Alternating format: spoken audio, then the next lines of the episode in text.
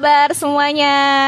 Teman-teman bisa dengar suara saya dengan baik? Apakah bisa melihat wajah saya dengan baik juga? Halo, terima kasih yang sudah bergabung. Hari ini kita akan berbincang-bincang bersama Kak Lukman, salah satu uh, executive teachers di Sinotif. Halo Kak Lukman. Ya, halo Kak Eki. Senang juga akhirnya bisa bergabung di sini. Uh, uh, seperti yang uh, kita ketahui untuk uh, apa Kak Lukman adalah salah seorang uh, eksekutif teachers di Sinotif. Dan Kak Lukman uh, apa di bidang fisika ya Kak ya di iya, bidang betul, fisika. Nah, uh, kepada apa uh, yang baru bergabung, inilah Kak Lukman yang biasanya yang keren banget, jago banget di fisika. By the way, saya uh, kalau fisika itu agak uh, uh, langsung bendera putih saya berkibar gitu, Kak. Mungkin nanti kakak bisa sharing juga nih gimana bisa apa namanya uh, jago banget juga di fisika gitu. Boleh ya kak ya? Nah, boleh, boleh, boleh, boleh. Boleh boleh boleh. Uh, oke kak. Uh, apa uh, kita langsung aja ya kak ya. Nggak sabar lagi saya mau bahas uh, apa pembicaraan kita kali ini. Kita mau sharing sharing apa gitu. Jadi poster kita sih sudah tersebar di mana mana ya kak ya. Dan kita uh, pengen dan dan banyak banget yang penasaran nih gitu dengan pembicaraan kita pada hari ini gitu.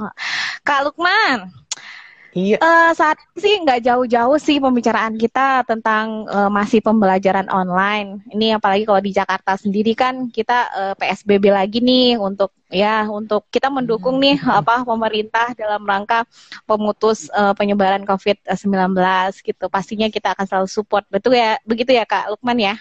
Iya, setuju, setuju.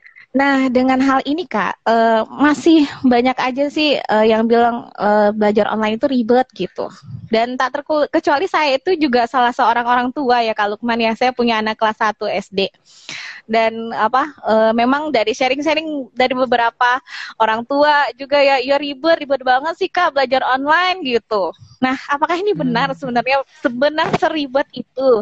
Uh, mungkin um, kalau tentang uh, pembelajaran online yang katanya ribet ya, kalau dibilang ribet susah, uh, mungkin untuk di awal karena uh, ini mungkin cuman lebih ke kebiasaan kali belum terbiasa gitu kali ya, karena kan se sebelum sebelum sebelum ini kita lebih banyak ke uh, kelas tatap muka secara uh, di kelas gitu kan ya offline, terus tiba-tiba ada satu kondisi yang mengharuskan kita mau nggak mau harus cepat berubah gitu kan harus cepat berubah ngikutin yeah. jadinya jadi online gitu. Mungkin kayak, kayak kaget gitu ya. Kalau dulu uh, kayak misalnya orang-orang sebelumnya main Friendster, oh Friendster zaman dulu banget ya, Friendster gitu kan ya kakak, terus kakak, iya. angkatan berapa kakak? belum belum belum lama belum lama ini gitu. Belum ya mungkin kalau yang generasi Z sekarang nggak tahu apaan tuh Friendster apaan gitu kan ya. Iya. Uh, Friendster terus Kal udah belajar udah belajar enak-enak terus tiba-tiba muncul Facebook gitu kan muncul Facebook uh -huh. harus berubah. Uh -huh. Kalau yang uh -huh. yang agak susah untuk berubah mungkin mikirnya apaan sih kok susah sih harus begini dulu harus begini dulu gitu kan ya. Mungkin karena sudah terbiasa sama yang sebelumnya aja dan nggak mau uh, bukan bukan nggak mau apa namanya uh, belum mungkin belum melihat secara keseluruhan uh, enaknya Facebook. Kalau misalnya di sini berarti kalau mm-hmm. uh, dulunya offline mm-hmm. terus pindah ke online ribetnya karena mungkin belum belum belum apa namanya menyeluruh aja melihatnya seperti apa sih uh, keuntungan atau keunggulan yang bisa diberikan pengajaran secara online seperti itu. Mm-hmm. Ya walaupun mm-hmm. uh, uh, secara fair tetap tetap pasti ada keunggulan, ada kelemahannya gitu kan ya. Tapi kita coba fokus ke keunggulannya.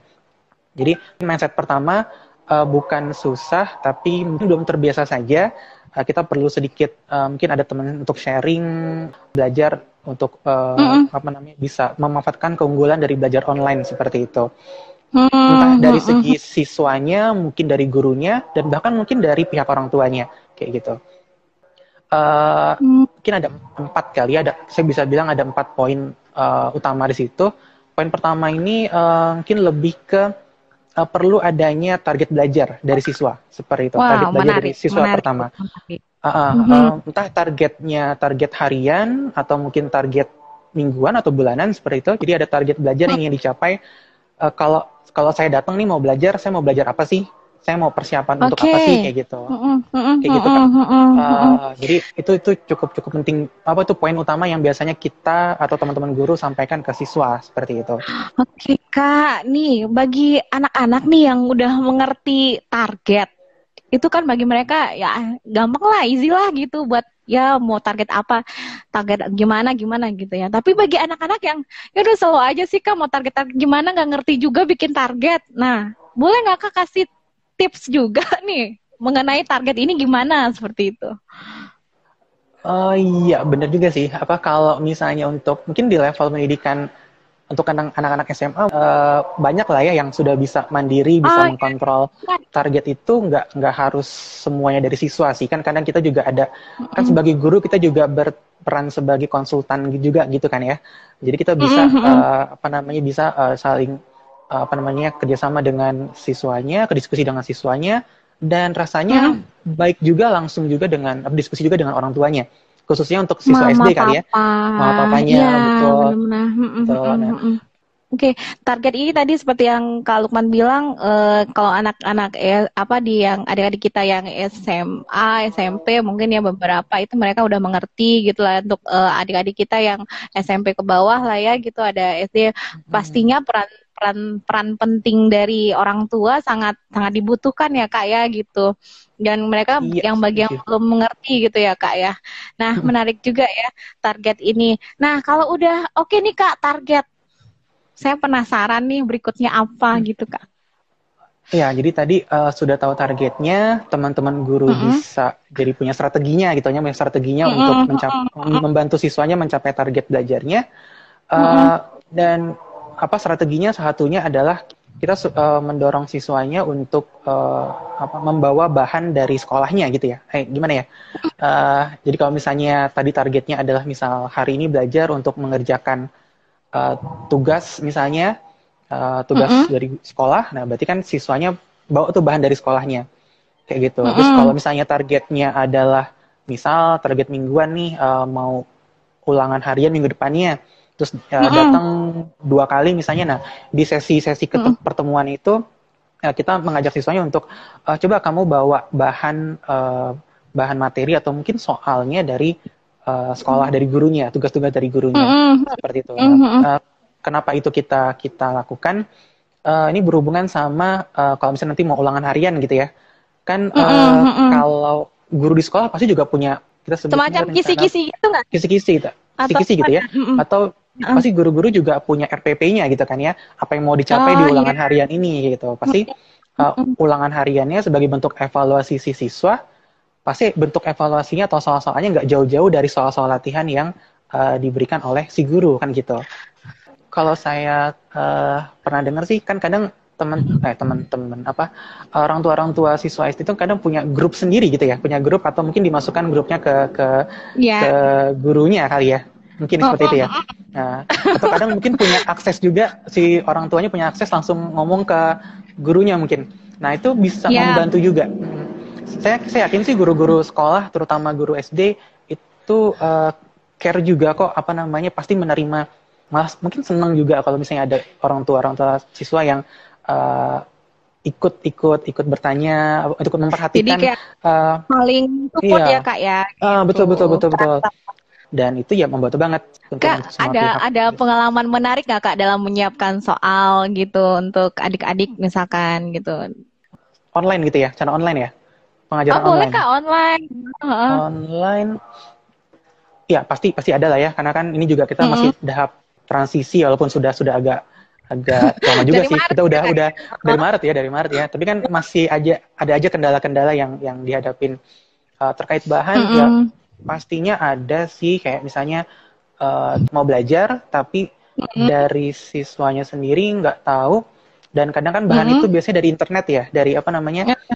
Dari entah Google Classroomnya si si uh-huh. sekolah si gurunya uh-huh. atau mungkin dari web mm-hmm. sekolahnya sendiri dan uh, kalau uh, bisa diakses sih enak nah tapi ada kondisi oh itu nggak nggak bisa diakses nih nggak bisa diakses dan siswanya mungkin uh, juga agak bingung juga gitu Nah, tapi uh, ya jadi yang saya lakukan ya ya uh. menggali sih. Yang pasti menggali dulu itu penting penting banget sih kita lakukan dan dan uh, menggali menggali sampai benar-benar dapat nih ini mah dapat muncul kata babnya aja nah itu itu udah hmm. udah bisa hmm. kita apa langsung siap-siap gitu kan ya kita persiapkan secara cepat dan uh, waktu itu juga pernah pas pas muncul sih pas muncul siswanya menggali agak -uh. lama sih jadinya agak lama tapi muncul dan uh, yang terjadi ya uh, bisa manfaatin kan online lebih lebih lebih gampang ya dapetin source source untuk Bukan. apa namanya materi-materi soal-soal seperti itu. Nah, jadi jadi nggak uh, itu gitu ya. iya. Ini kalau kita fokusnya ke bagian keunggulannya muncul aja idenya seperti itu. Kayak oh iya bisa bisa bisa bisa. Menarik ya kak ya. Mungkin kita sudah hmm. ter terbius dengan kata-kata ribet kali ya kak ya gitu. Iya kadang juga ya kalau ngalamin ribet pasti tetap ada ribetnya gitu kan ya. Tapi iya. uh, mungkin kita ganti fokus aja. Kadang kalau kita fokusnya dengan oh. ribetnya nanti susah nemu yang nemu solusinya gitu.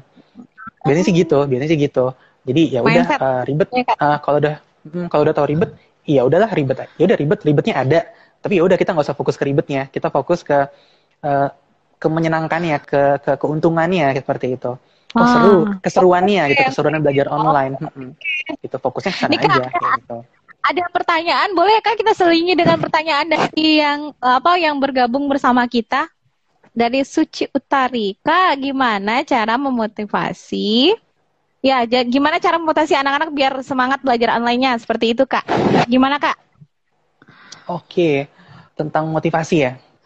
Motivasi anak SD lah kak misalkan anak SD wah atau secara umumnya juga nggak apa-apa kan uh, kalau anak SD uh, eh, mungkin ada ada ada rekan saya mungkin nanti yang apa namanya kalau di pengajaran SD gitu ya.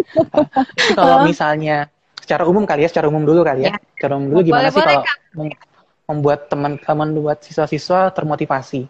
Uh, motivasi hmm. sebenarnya juga kan bisa dua ya bisa motivasi dari dalam diri atau motivasi dari luar. Memang yang ampuh sih dari dalam diri hmm. gitu kan ya jadi okay. um, siswanya dulu um, motivasinya seperti apa. Tapi bisa dibantu nih sama sama teman-teman guru juga. Uh, mm -hmm. Cara bantunya kalau saya gitu ya, kalau saya sih mm -hmm. uh, biasanya uh, mulai dari uh, kasih tahu dulu uh, kenapa sih si si siswa ini penting untuk uh, mendengarkan saya atau penting untuk mempelajari ini kayak gitu. Itu dulu mm. sih biasanya. Uh, kan kadang hmm. kalau misalnya uh, tiba-tiba apa namanya langsung dikasih pengajaran tanpa tahu ini terus ntar saya buat apa ini kak? Gitu kan ya. Ini ntar saya kepakainya buat apa gitu. Apalagi anak-anak uh, generasi sekarang tuh cukup cukup kritis juga. Uh, kritis banget. apa namanya hmm, jadi apa namanya ini saya belajar ini nanti buat apa sih kak? Ntar saya belajar statis Archimedes buat apa sih kak? Emang ntar saya harus melayang mengapung tenggelam terus kan enggak gitu nah, buat buat apa sih seperti itu. Nah Uh, bisa Bener. bisa mulai mulai uh, uh, kan buat apa gitu kan ya nah itu biasanya bisa kita mulai dari situ dulu jadi uh, kasih tahu kasih gambarnya ke siswa kenapa sih uh, dia dia perlu untuk belajar ini ya kalau misalnya kita nggak bisa uh, ngasih gambaran aplikasinya nanti seperti apa ke depannya ya kita bisa mm -hmm. bawa ya kita bisa bisa bawa dari yang terdekat aja ini kan hubungannya sama sekolah gitu kan ya kan siswa mm -hmm. punya tanggung jawab dengan sekolah dengan dengan hal yang di yang di uh, apa ya yang diberikan ke kewajiban yang diberikan ke siswa ya bentuk itu kan tanggung jawabnya kita bisa ya kayak ya. bentuk tanggung hmm. jawabnya hmm. seperti itu ya mungkin dengan kata-kata hmm. yang jangan yang berat-berat juga seperti itu nah iya jadi, karena uh, sekarang hmm. kak kalau kita kasih panjang lebar bla bla bla bla bla apa uh, apa agak mungkin mereka butuh kata-kata yang simple gitu ya. Oke kak, satu satu tadi kita oh. perlu untuk biar uh, belajar online itu tidak ribet itu ya satu tadi kita harus punya target kedua atau goals gitu ya kan kedua kita yeah. Iya. uh, punya uh, apa namanya bahan untuk dipelajari berikutnya kak lanjutin apa kira-kira buat kita lagi nih kak uh, ya ini, ini sih ini sih hal yang wajar sih sebenarnya karena kita online uh -huh. ya pastikan hmm? jaringan internet kita lancar lah ya pastikan jaringan ya yeah. ya kan uh -huh. kan gak enak juga lagi mungkin kalau dari sisi guru lagi asik-asiknya nerangin terus tiba-tiba uh, siswanya hilang gitu kan kita kita nggak lihat kita terus nerangin kan uh, seru juga gitu kan jadi pastikan sih jaring internet aman. Ya, memang ini sih uh, terkait sama teknis sih ya. Kadang kita bisa atasin, ya kadang mungkin nggak juga gitu kan ya. Nah, tapi tapi uh, hal ini menurut saya sih juga cukup cukup penting sih, penting cukup ya, penting Kak? untuk kita pastikan mm -hmm. seperti itu. Ini terlepas Iya, dari fasilitas yang ada ya. Iya, Oh, benar-benar. Seperti itu. Jadi hal yang penting perlu kita perhatikan ya kak ya, karena kan memang Iya. fasilitas apa apa via kita via belajarnya online gitu. Jadi Mhm. jaringan hal yang utama lah gitu ya kak ya. Kalau misalkan Iya. jaringan tersendat ya gimana kita mau transfer ilmunya gitu ya kak ya. Ilmunya, Seperti itu. betul betul. Boleh kak, ini kan hal yang akan beda-beda di masing-masing orang ya kak Iya. ya gitu. Kita lanjut kak ke Betul, betul. berikutnya. Kira-kira apa lagi eh, nih kak? Tadi tiga, yang keempat ya, yang terakhir mungkin lebih ke interaksi ya, interaksi apa human interaction antara guru sama siswa. Itu yang mendukung banget eh, transfer ilmu dari dari satu sisi ke sisi lain, dari guru ke siswa atau bahkan dari Mm-mm. siswa mungkin ke guru seperti itu. Kalau di offline kan kita enak ya, kita bisa langsung bertatap muka. eh, kalau Mm-mm. misalnya apa namanya eh, ada hal-hal yang nggak dipahamin oleh siswa, kita bisa langsung lihat entah entah lihat dari gesturnya, entah lihat dari mimik Mm. mukanya. Kalau sekarang uh, dengan online mungkin dari gestur mungkin nggak nggak terlalu kelihatan semua, tapi minimal kita Mm-mm. bisa lihat dari wajahnya gitu kan ya. Nah jadi poin Mm-mm. keempat ini uh, dengan belajar online pastikan sih muka kita, wajah kita sama wajah siswa itu uh, paling enggak ada ada momen-momen tertentu kita bisa lihat seperti itu. Kalau misalnya nggak nggak bisa full selama selama pengajaran gitu kan ya, entah kendala teknis dan sebagainya sebagainya, minimal ada momen-momen yang uh, saat kita menjelaskan hal penting misalnya dari suatu konsep, uh, boleh dong uh, videonya dinyalin dulu dong misalnya seperti itu. Jadi kita bisa bisa memastikan nih konsep ini nih yang yang agak ribet yang kita yang agak bukan agak ribet, yang panjang yang perlu kita jelasin nih diserapnya seperti apa sih? Hmm. Gitu. Nah, mengenai ini, berarti kan eh, kayak eh, kalau misalkan sekarang misalkan belajarnya via Zoom atau via Google Classroom gitu ya Kak ya, gitu. Misalkan mau menyalakan Google kamera Meet itu gitu ya, kan Google ada ya, ya Google Meet maksudnya gitu. Jadi eh, merasa nggak nyaman gitu loh Kak, dan gitu diliatin gitu. ya kita eh, kan sebagai tim tim pendidik lah ya kita kan eh, apa namanya eh, eh, bisa memberikan pengertian-pengertian ya ini terkait sama eh, proses pengajaran. Jadi jadi ada hal-hal yang eh, bisa eh, mem- mem- memaksimalkan interaksi antara guru sama siswanya. Dan, dan pastinya kalau Mm-mm. tentang merasa nggak nyaman apa tadi ada terancamnya atau dan sebagainya eh, itu balik lagi sebenarnya dengan dengan komunikasi aja sebenarnya. Dengan komunikasi dulu antara guru sama siswanya atau mungkin dengan orang tuanya juga. Seperti itu. Jadi kenapa sih harus eh, harus nyalain harus nyalain kamera? Ya walaupun nggak mungkin mungkin nggak nggak full selama satu sesi misalnya nggak bisa minimal ada Mm-mm. ada mo- tadi ya momen-momen tertentu yang bisa kita apa namanya eh, dinyalakan dan kita bisa tahu nih sejauh mana sih siswa itu eh, menyerap apa yang kita sampaikan dan itu lagi-lagi Mm-mm. balik lagi ke komunikasi sebenarnya Perlu ada benar interaksi yang jelas lah ya Kak ya. Jadi transfernya itu gampang, memantaunya tuh gampang dan balik lagi juga gunanya kamera ya buat apa gitu ya Kak ya, ya buat menampilkan video seperti itu. Benar nggak sih harusnya Kak? seperti itu iya betul harus seperti itu Nih Kayak ada gitu sih. pertanyaan Kak. Aktif video kalau hanya kelihatan kepala aja gimana tuh Kak? berarti kalau video Iya, hanya kelihatan betul kepalanya aja nggak kelihatan senyumnya kelihatan apa namanya eh, mimik mukanya gitu kan ya Eh, iya. eh, baik dari sisi siswa sama guru ya balik lagi Mm-mm. sih ke ke komunikasinya aja sih jadi jadi penting penting banget untuk siswa bisa melihat wajah gurunya dan kita bisa melihat wajah siswanya. Karena kalau misalnya cuman melihat apa apa kalau pakai online kan ada slide-nya doang tulisan-tulisan gitu kan ya. Itu eh, apa namanya kurang kurang kurang efektif kurang maksimal seperti itu. Perlu ada variasinya Hmm. dengan bisa melihat wajah gurunya. Kayak kayak pelajaran offline aja. Ya kan? Siswa nggak nggak cuma ngelihat papan doang tapi kadang-kadang kita perlu Iya. uh, siswa perlu untuk melihat uh, gestur dari gurunya kalau di offline ya. Melihat dari bagaimana cara guru apa menyampaikan kan kadang ya kan tergantung dari gaya pembelajaran dari siswanya juga gitu ya Oke, Gitu. menarik sekali mungkin ya Kak. Kak Terima Eki. kasih Kak. Nih satu lagi, satu lagi sedikit Kak. Dari pembahasan kita kali ini, apa nih kesimpulan Kak Lukman nih? dari mindset kali ya dari mindset fokusnya ke keseruan ke ke keasikan dari kita belajar secara online seperti itu Mm-mm. Uh, Mm-mm. dan kalau kalau misalnya untuk siswa uh, kan siswa yang tahap apa yang belajar sekarang kan kita bisa bilang dari generasi Z gitu ya. Generasi Z itu Mm-mm. ada yang apa namanya ya apa istilahnya digital digital native gitu ya. Tech, tech savvy lah seperti itu. Jadi udah udah menguasai lah kalau misalnya poin-poin tentang teknologi-teknologi seperti itu.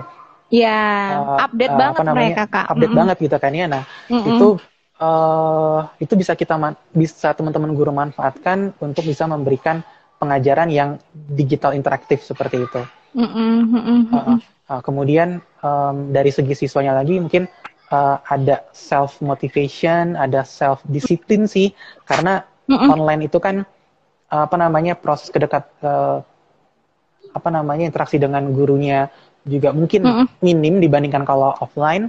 Jadi yang yeah. butuh butuh uh, butuh disiplin juga disiplin juga dari dari siswanya.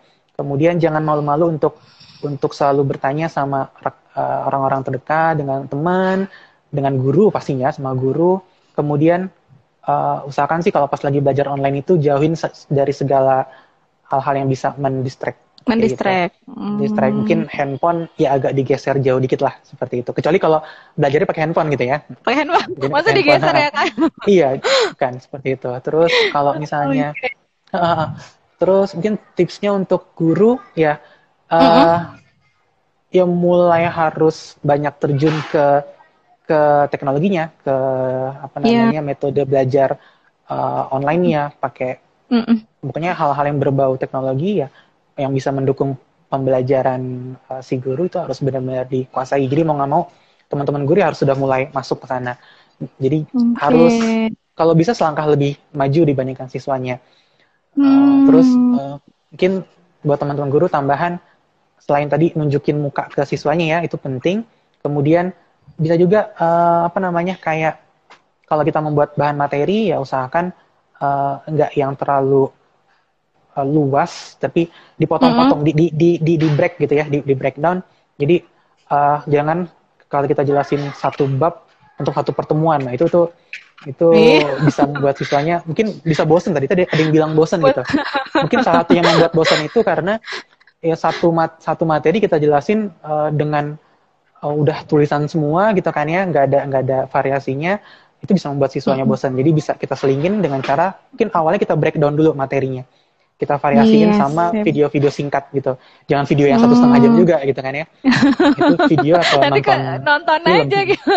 Iya nonton film, film gitu. nah, oke. okay. uh, uh, oh, mungkin satu lagi kak Eki saya tambahkan. Ya, ini penting kak. penting banget karena yes. uh, ini ini berdasarkan jurnal sih ada jurnal tentang uh, generasi Z mm -hmm. di mana dia itu uh, sorry saya bilangnya pak anak-anak generasi Z itu uh, sebenarnya jago sebenarnya apa namanya bisa mm -hmm. cepat memahami atau ngikutin uh, apa namanya pembelajaran seperti itu asal mm -hmm. instruksinya jelas asal instruksi yeah. dari gurunya jelas jadi di awal yeah. itu ada baiknya teman-teman guru sudah menyampaikan oh oke okay, hari ini kita uh, mau belajar fluid statis tapi kakak break ya kakak breakdown ya kita mulai mm -hmm. belajar dari subbab ini subbab ini Nah, nanti kita akan latihan soalnya seperti ini dan seperti ini. Nah, saya rasa dengan oh. instruksi yang lebih uh, di, di jurnal itu juga disebutkan, sorry, clear, itu ya? clear di uh. awal siswanya jadi jadi punya apa namanya uh, jelas nanti dia harus ngapain. Nah itu mm -hmm. itu juga mm -hmm. mungkin salah satu mengatasi siswa biar nggak bosan karena dia dia tahu nih mm -hmm. saya harus ngapain, saya harus ngapain. Oke, Kak luar biasa sekali. Terima kasih banyak sharingnya hari ini, Kak.